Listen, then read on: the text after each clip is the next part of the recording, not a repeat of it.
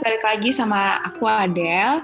Dan hari ini aku aku juga ditemani sama temen aku Christine. Dan kemarin di episode sebelumnya uh, aku sama Kristen kan nggak membawakan podcast ini nih kemarin sama Jasmine. Nah di episode kali ini kita balik lagi nih. Nah akhir-akhir ini kalian gimana apa kabarnya dan gimana untuk kegiatan di rumahnya ini sejauh ini semua pada sehat-sehat kan? Nah akhir-akhir ini tuh aku lagi banyak banget lihat-lihat uh, di website-website gitu banyak banget tentang virtual courses gitu, virtual courses yang di uni-uni terkenal kayak Harvard University, uh, Stanford, uh, dan beberapa yang lain-lainnya juga. Nah, tapi tuh uh, aku mau nanya deh, ke kebetulan kan kita semua tahu nih dari episode yang pertama kalau Kristen ini kuliah di luar negeri. Kira-kira gimana sih, Tin, kalau misalnya kuliah full English, uh, padahal kan kamu SMA-nya full Indonesia, bukan international school. Oke, okay, halo semuanya, halo Adele. Jadi mungkin aku cerita dikit kali ya soal background uh, sekolah aku. Dulu tuh aku sekolah SMA uh, full Indo, jadi aku cuma belajar Inggris itu dari pelajaran pelajaran sekolah biasa. Nah, terus sekarang aku keluar di luar negeri, uh, kuliah di luar negeri yang pakai full English pasti beda banget sih dan menurut aku tuh apa ya belajar Inggris di Indo itu kayak kita kumpul sama orang yang eh, sama-sama mau jago bahasa Inggris. Tapi kalau kita kuliah di luar negeri, kita tuh berkumpul dan dikelilingin sama orang-orang yang udah kehitung jago dan mahir gitu bahasa Inggrisnya. Jadi otomatis tuh kita harus bisa beradaptasi di lingkungan yang kayak gitu. Wah, terus kayak beradaptasinya dengan kuliah bahasa Inggris itu gimana dong? Hmm, awal-awal tuh susah banget karena kayak kaget gitu ya berkumpul sama orang-orang yang udah jago gitu. Apalagi dulu Inggris aku tuh kayak tergolong pas-pasan dan gak gitu bagus gitu. Jadi aku adaptasinya ya tetap ngobrol sebisa sebisa aku sama mereka pakai bahasa Inggris yang sederhana dan tapi kayak aku nggak berasa sih lama-lama jadi terbiasa aja gitu ngobrol sama orang-orang luar terus sambil ngobrol gitu kita juga sambil belajar pelan-pelan uh, menurut aku harus sering-sering latihan dan banyak belajar sih Oh ya, tadi kamu bilang soal course virtual gitu kan ya. Uh, gimana nih persiapannya? Kayak udah dari kapan nih kamu belajar? Sebenarnya kalau misalnya untuk persiapan aku course sendiri itu sebenarnya kan uh, sebenarnya step by stepnya ya cuman kayak sebenarnya ada materinya, ada modulnya dan lain-lainnya. Jadi sebenarnya aku nggak gitu ada persiapan sih. Jadi aku belajarnya santai aja satu-satu diikutin modulnya. Kalau misalnya ada vocab yang nggak bisa atau misalnya ada sesuatu yang nggak bisa ya santai aja. Kan juga maksudnya bisa dijalankan dengan waktu yang cukup lama sih menurut aku. Hmm, bener juga sih. Tapi menurut aku kayak uh, mahasiswa dan pelajar kayak kita tuh harus banget sih belajar Inggris sedini mungkin gitu. Karena kayaknya bahasa Inggris tuh penting banget dan akan kepake banget gitu. Apalagi kita yang bakal uh, bentar lagi mungkin terjun ke dunia kerja gitu, dunia profesional. Pasti banyak kan perusahaan yang uh, harusin kita punya English speaking skill gitu. Uh, bener banget sih, apalagi kan uh, aku kuliahnya di Bali ya, dan Bali itu tuh adalah kayak tempatnya atau sarangnya turis banget kan. Dan aku tuh beberapa kali tuh ada kayak pengalaman yang lack of communications banget sama mereka. Apalagi kayak mungkin mungkin lack of communicationsnya lebih kayak ke bukan aku mungkin mereka akan bertanya kepada aku tuh kayak yang pertanyaan-pertanyaan basic tapi mungkin kayak ada masalah soal accentnya atau mungkin ada masalah-masalah kayak uh, susah dapetin komunikasinya malah banyak juga yang berujung karena miskom jadi kayak mereka mandang kita mungkin kurang ramah atau apa gitu sih menurut aku. Nah, tuh kan emang bener banget tuh penting banget bahasa Inggris. Dari sekarang kita juga harus bisa rasain seberapa penting bahasa Inggris gitu.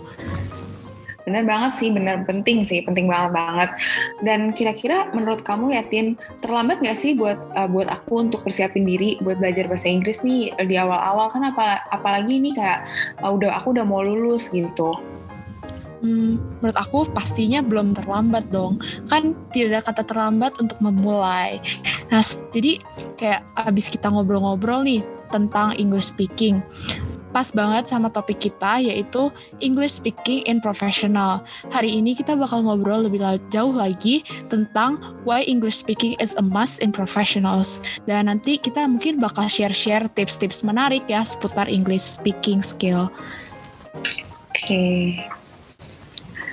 Oh ya, aku mau cerita nih tentang pengalaman aku ikut international organization di luar.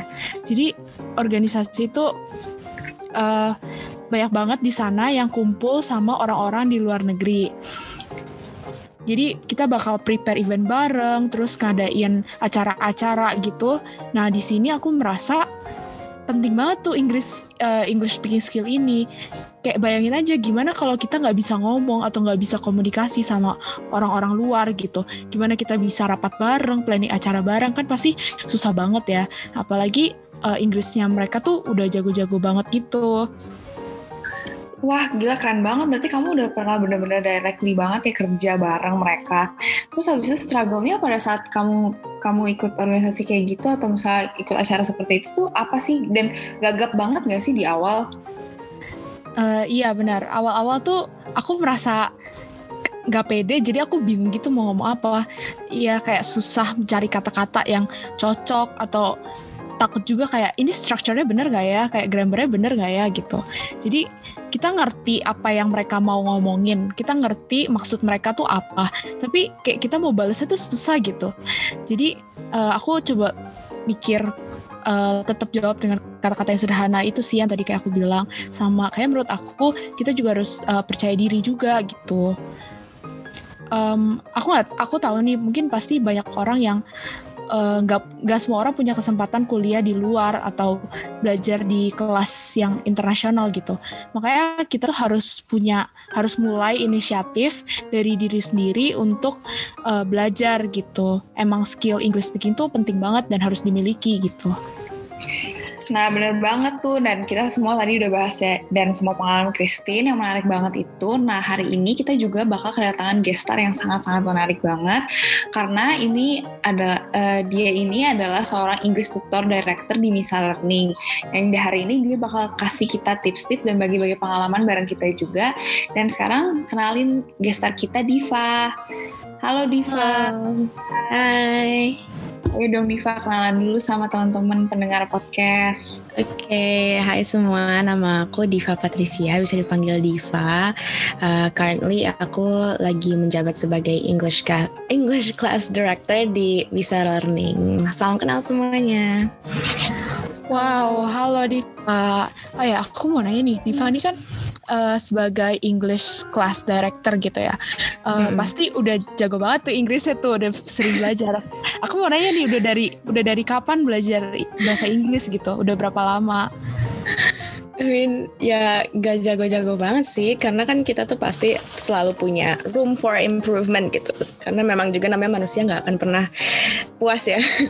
well, untuk belajar bahasa Inggrisnya sendiri tuh dulu aku mulai pas I think TK itu aku inget banget dulu aku bahasa Inggrisnya kacau balau beneran. Nggak bisa baca bas kayak kata-kata bahasa Inggris. Misalnya nih table aku bacanya beneran table. Vegetables aku bacanya vegetable. Kayak gitu loh kayak uh, masih apa ya aksen bahasa Indonesia juga beneran. Cara baca itu kayak kayak baca kata di bahasa Indonesia gitu. Sampai akhirnya orang tua aku tuh beneran maksain aku untuk ikut les bahasa Inggris dari aku TK tapi waktu itu sih nggak ngaruh ya nggak tahu kenapa. Karena dia mereka tuh ngajarnya lebih ke grammar writing reading speakingnya tuh dikit banget. Sampai uh, aku tuh rada takut gitu untuk kalau ngomong bahasa Inggris sama siapa pun mau itu orang Indonesia mau itu orang bule mau siapa pun pokoknya aku nggak berani. Tapi nggak pede gitu ya? Iya nggak pede. Karena uh, apa ketika aku speaking tuh uh, kayaknya constructing sentencesnya aku tuh kurang kurang bagus aja gitu. Jadinya orang kayak ngerasa mungkin kurang ngerti maksud aku tuh apa. Akhirnya aku jadi orangnya tuh pendiam meskipun aku sering ikut kelas bahasa Inggris. Nah kocaknya ini mama aku tuh dulu gedek sampai akhirnya aku diikutin kelas bahasa Inggris aku lupa di uh, institusinya apa tapi pokoknya dia punya speaking class sendiri di mana aku beneran setiap dua kali seminggu itu aku harus ngomong sama guru bahasa Inggris itu berdua doang. Beneran untuk speaking saking kayak mamaku tuh gemes banget gitu ngeliat aku. Meskipun gimana ya berat gitu. Mungkin untuk anak kecil tuh kan waktu itu aku mungkin masih SD disuruh ikutan kayak gitu tuh berat hati. Tapi ya at the end of the day itu ngaruh banget gitu sama kemampuan berbahasa Inggris aku uh, dalam hal speakingnya. Dan dari situ aku mulai lebih confident aku jadi lebih sering bahkan aku sering kayak jadi ikut uh, lomba bahasa Inggris gitu mau itu speech debate even English quizzes terus poetry reading pokoknya anything yang berbahasa Inggris aku jadi suka gitu pelajarannya. Mungkin karena aku ter, terbiasa gitu sama sama pelajarannya sama bahasanya gitu. Dari situ aku jadi lebih membiasakan diri aja sih sama bahasanya gitu. Wah keren banget ternyata. Wah gila sih. Aku bener-bener gak kepikiran sama sekali sih bakal ada uh, aku bisa ketemu orang yang benar-benar mau itu lomba uh, debate dan uh, dan lain-lainnya itu keren banget sih. Berarti kamu tuh benar-benar belajar bahasa Inggris ini tuh karena uh, pure emang kamu memang mau meningkatkan uh, mau ini aja, mau kayak menambah skill kamu aja atau kayak ada tujuan tertentu yang untuk memenuhi lomba-lomba itu atau kayak ya emang lomba-lomba itu hanya sebagai bonus dari apa yang sudah kamu dapetin dulunya sebenarnya awalnya yang kayak tadi aku ceritain ya aku dipaksa gitu. I felt like I was the victim or something. Tapi uh, setelah sekian lama gitu mungkin karena itu masih TK masih SD jadi ya masih bocah gitu masih kayak males-malesan. Tapi setelah itu aku jadi suka beneran suka pelajaran dari sini dan dengan ikut lomba itu lebih kayak aku bisa menyalurkan passion aku gitu. Karena memang aku kalau untuk di pelajaran lain kayaknya kurang either kurang passionate atau emang kurang ber kurang qualified. Wah keren banget ya berarti dan berarti kita beneran ini sekarang kita ngomong sama expertnya nih ya.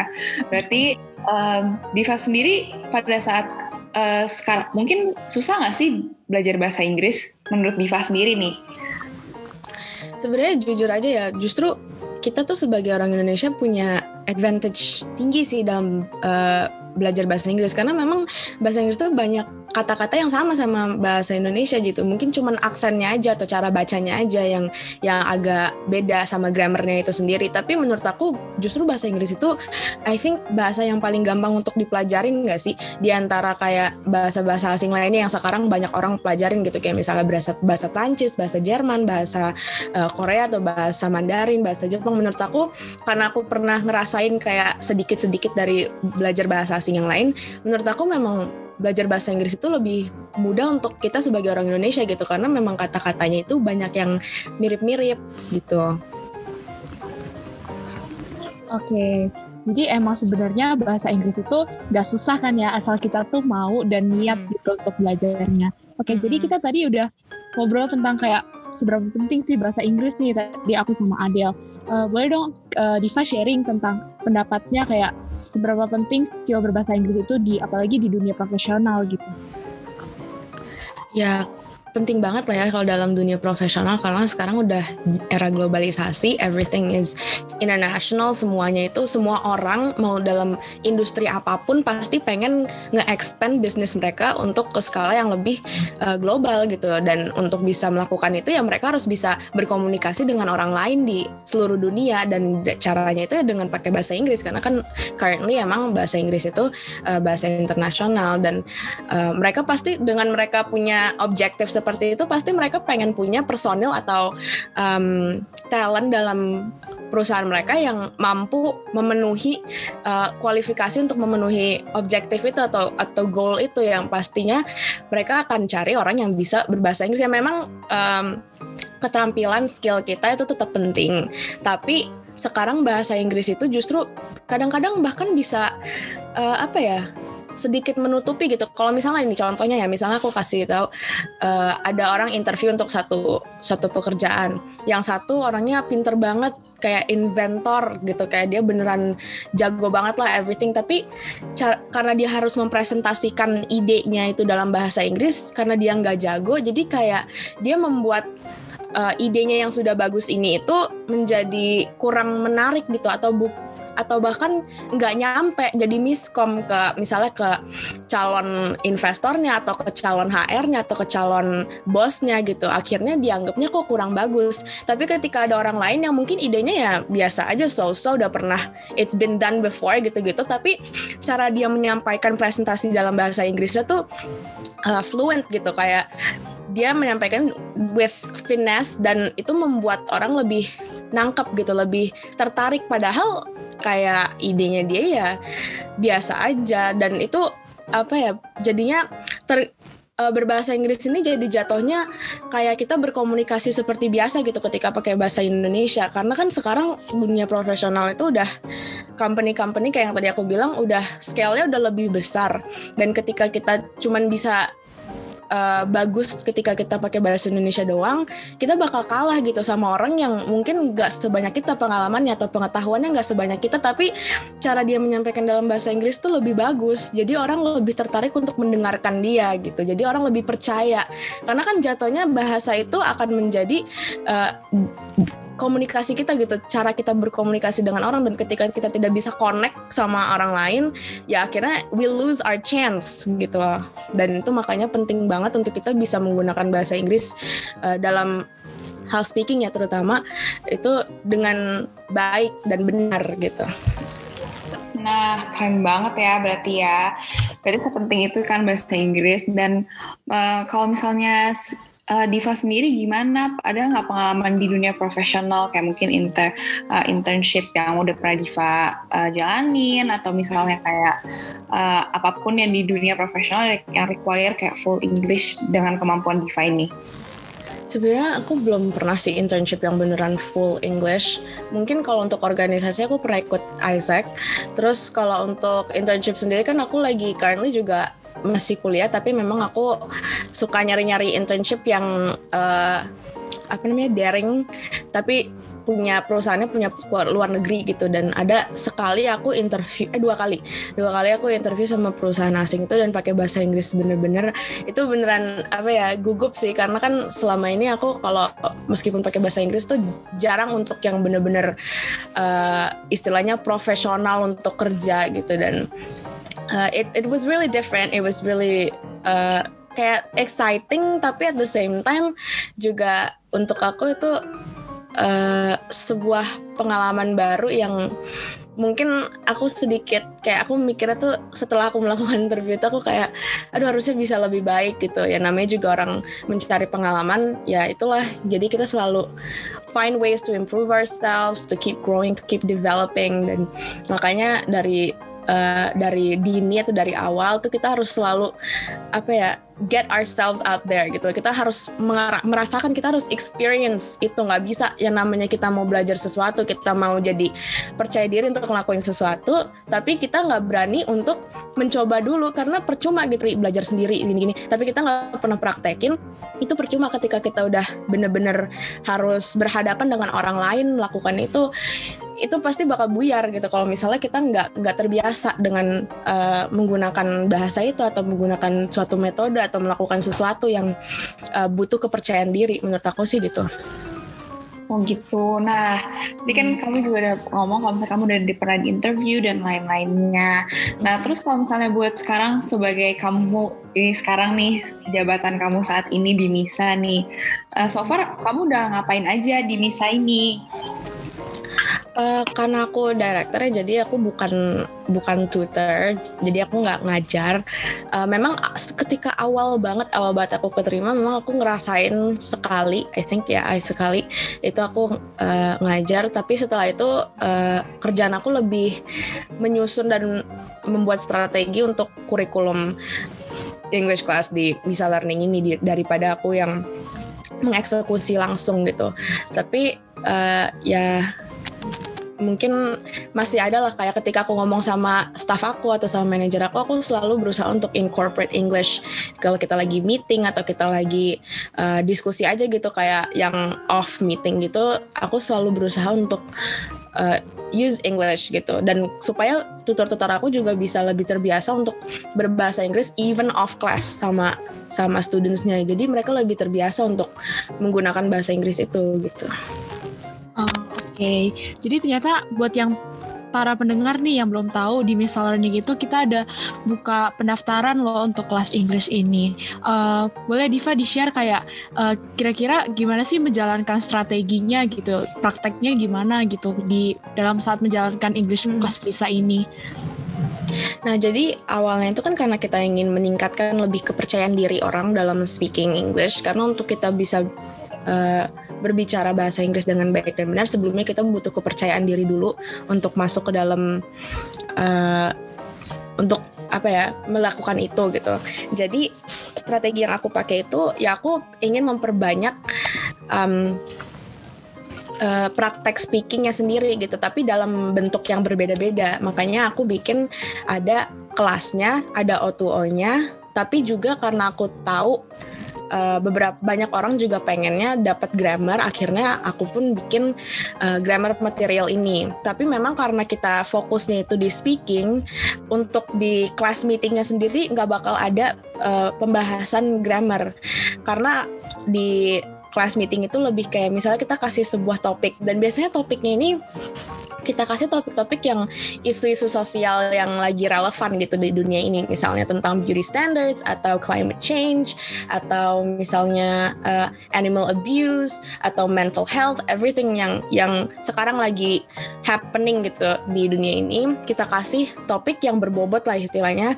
Setelah itu nanti kita ada uh, many discussion type of activities. Jadi pokoknya tuh uh, students akan selalu diajak untuk berbicara. Pokoknya dalam bentuk apa pun, dalam topik apa pun semuanya harus harus ngomong, harus kasih uh, idenya mereka, harus kasih bukan ide sih pendapatnya mereka gitu tentang topik ini dan biasanya kita kasih aktivitinya beda-beda ada yang misalnya role play ada yang misalnya kita kasih project dadakan gitu kayak ceritanya uh, kalian mau presentasi nih atau ceritanya kalian harus speech nih ke siapa kayak gitu. Nah untuk karena kita aku sadar uh, dengan adanya class discussion seperti itu kan lebih pembicaraannya mungkin lebih serius ya lebih berat gitu. Jadi aku uh, ngikutin sebenarnya ini ngikutin dari yang lama-lama sih. Kita bikin O2O call atau one to one call.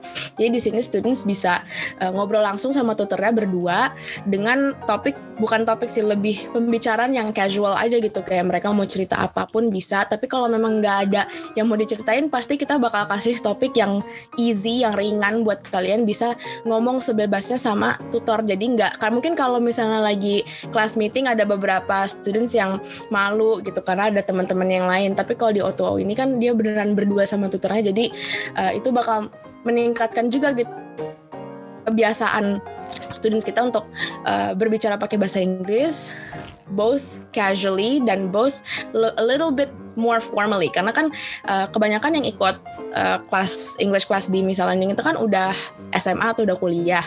Jadi kita ingin we wanna urge our members our students itu bisa berbicara pakai bahasa Inggris itu nggak cuman casually, cuman yang tentang favorite food atau favorite sports, tapi juga bisa memberikan pendapat mereka yang secara uh, lebih konkret gitu, yang lebih uh, yang istilahnya lebih formal gitu a little bit. Nggak terlalu kok tenang aja karena pasti tutor-tutornya tuh juga asik-asik gitu.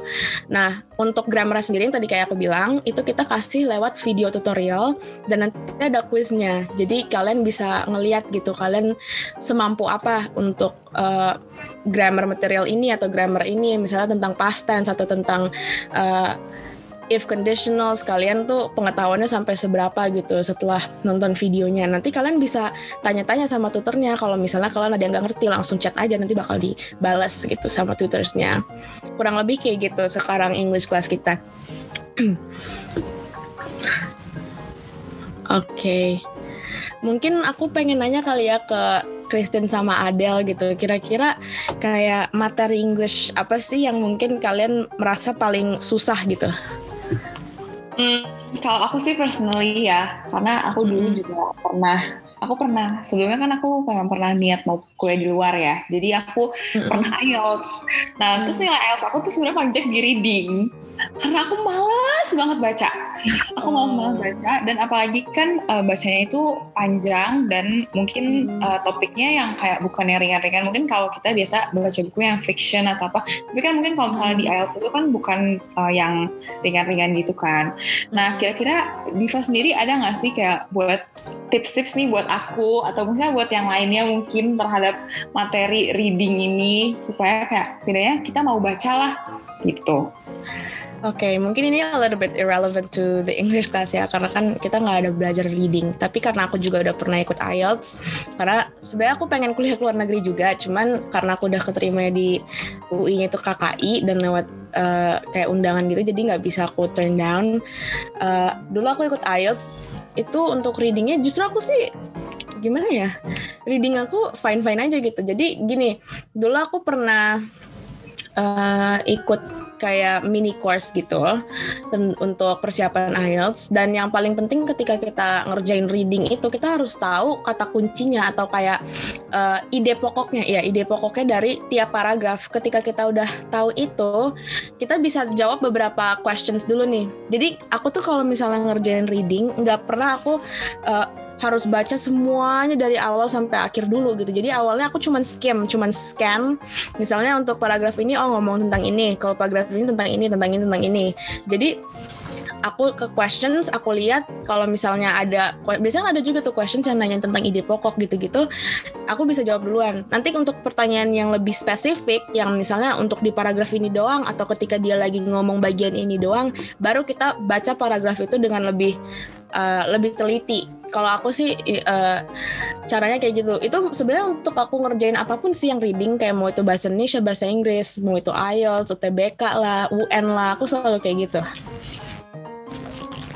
Oke, okay, jadi kita kayak tadi udah belajar uh, bahas kilas lah ya tentang uh, English yang lain gitu. Sekarang balik lagi nih ke grammar dan mm-hmm. speaking. Kalau aku jujur merasa lebih susah tuh grammar sih, dan karena grammar aku tuh kurang bagus, jadi aku merasa nggak pede juga gitu speakingnya.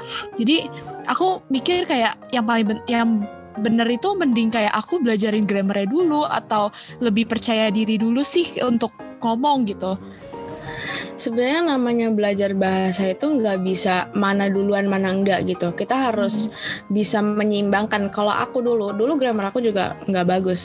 Caranya sebenarnya itu kita harus mengekspos diri kita ke penggunaan bahasa Inggris yang lebih baik itu gitu. Misalnya kita nonton film pakai bahasa Inggris kita baca novel pakai bahasa Inggris.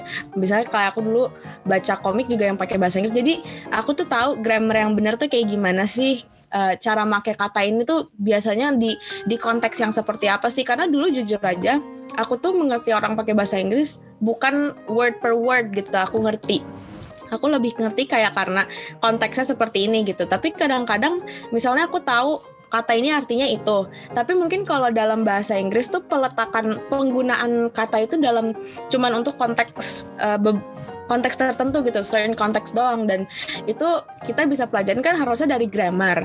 Tapi kan I don't think that we can learn grammar itu tuh gimana ya, secara tertulis gitu kayak secara formal terus gitu. Karena jujur aja aku belajar grammar tuh justru lebih nangkep ketika aku dikasih uh, konten yang bisa aku enjoy gitu. Misalnya aku nonton film atau dikasih buku yang bergambar misalnya kayak gitu. Dulu aku tuh kayak gitu. Aku nggak bisa belajar grammar jujur aja yang yang kayak diajarin harus ngapalin nih formulanya gini-gini. Karena nih ya terus terang I don't think that formulas itu bisa bener-bener kita inget selalu. Misalnya kalian lagi ngomong gitu sama orang, gak mungkin kan misalnya, oh lagi ngomongin tentang kemarin, berarti past tense pakai pakai subjek, terus verb. Iya benar sih. Dua, gitu kan gak mungkin kan. Kita harus iya, bisa bener, bener. harus belajar kayak gitu tuh lebih membiasakan diri gitu. Sama, ketika kita sering dengerin itu, kita bakal imitate itu gitu. Jadi kayak fake it till you make it gitu. Dan untuk bisa melakukan itu, untuk fake it till till you make it you need confidence to do that gitu jadi okay. itu bisa digunakan berbarengan gitu simultaneously Bener sih, jadi kayak emang sebenarnya percaya diri itu penting gitu kan. Tapi kayak hmm. kira-kira gimana sih kalau uh, kita tiba-tiba nggak percaya diri gitu kan? Kan pasti kayak kagok dan bingung gitu. Ada nggak sih yang harus dilakuin gitu? Um, atau lebih banyak latihan aja atau gimana? Aku sih juga mas meskipun aku kayak sering ngomong kadang-kadang juga kalau aku lagi mungkin kadang-kadang aku udah udah lama nih nggak ngomong sama orang atau di forum gitu. I get really nervous gitu tapi aku selalu berusaha untuk uh, get a grip gitu kayak snap out of it. Udah bisa bisa. Kayak tell yourself that you can. Kadang-kadang dengan kita constantly bilang kalau kita bisa bisa bisa kita tuh jadi kayak lebih semangat untuk melakukan itu gitu. Tapi kalau misalnya nih kita lagi ngomong sama orang terus gugup. Udah kayak kita jeda terus sedikit ya habis itu tarik nafas dulu. Terus kita Hmm. ngomong kayak biasa aja pelan-pelan. Karena uh, there are many people who apa ya juga pengen belajar bisa bahasa Inggris. Dan nggak semua orang tuh jago nggak nggak bahkan native speaker aja bisa grammarnya salah gitu. Jadi uh, gimana ya jangan terlalu uh, sibuk mikirin what people will think of us atau mikir kayak duh nanti gue dijudge nih bahasa Inggris gue jelek banget gitu. Sebenarnya kalau kita kadang-kadang justru malah orang nggak peduli gitu. Mereka cuman yang penting kita bisa nyampein informasi udah gitu. Jadi nggak usah jangan terlalu selalu dipikirin. Karena kalau misalnya kita pikirin terus kita nggak bakal maju. Karena kita nggak bakal berani untuk untuk ngomong gitu. Jadi kalau misalnya takut itu misalnya nih pelan-pelan aja gitu pelan-pelan ngomongnya dikit-dikit dulu awalnya lama-lama nanti kalau kita terbiasa kita pasti bakal berani untuk inisiatif gitu gitu untuk ngomong sendiri tapi memang awalnya itu kita harus berusaha dikit-dikit membiasakan diri nggak bakal bisa kalau misalnya kita diem terus sendiri terus itu nggak akan bisa Oke. Keren banget ya. Keren banget Diva.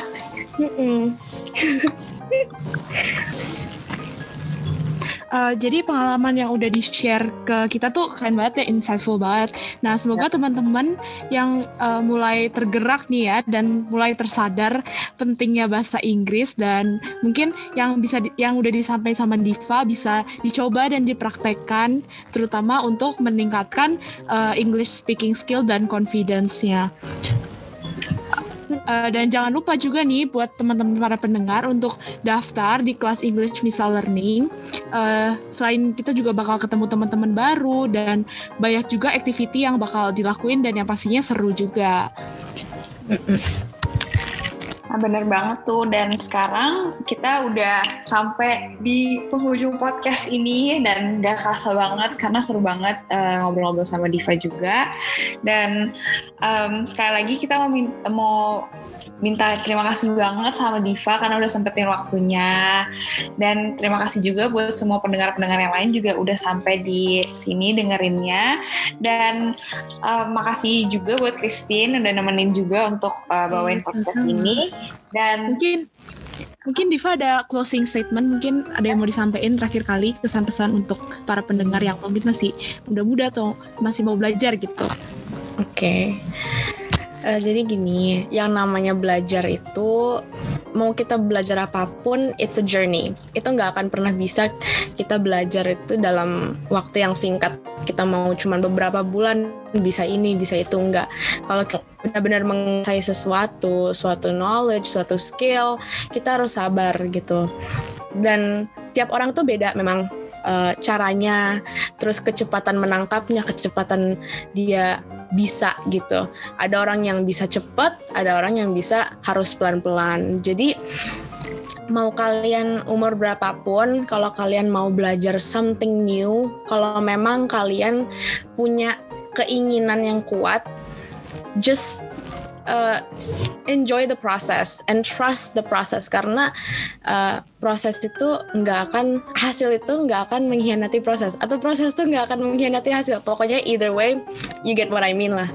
Uh, kalau kalian mau belajar bahasa Inggris um, dan khususnya speaking, you can try out our English class karena kita sekarang lagi ada promo guys dari 75.000 per bulan sekarang jadi 45.000. So if you guys wanna give it a try, it would be such a pleasure to us dan kalian bakal disambut sama tutor-tutor yang keren-keren dan asik-asik gitu.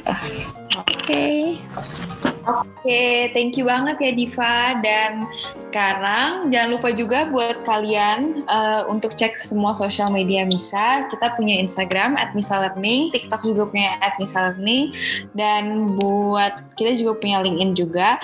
Dan buat semua informasi English kelasnya, kelasnya bakal ada di Instagram kita. So stay tune buat buat semua informasi yang ada di sana. Apalagi kan sekarang lagi ada promo, buruan cepetan ikut. Dan terima kasih semuanya. Sampai bertemu di podcast episode selanjutnya.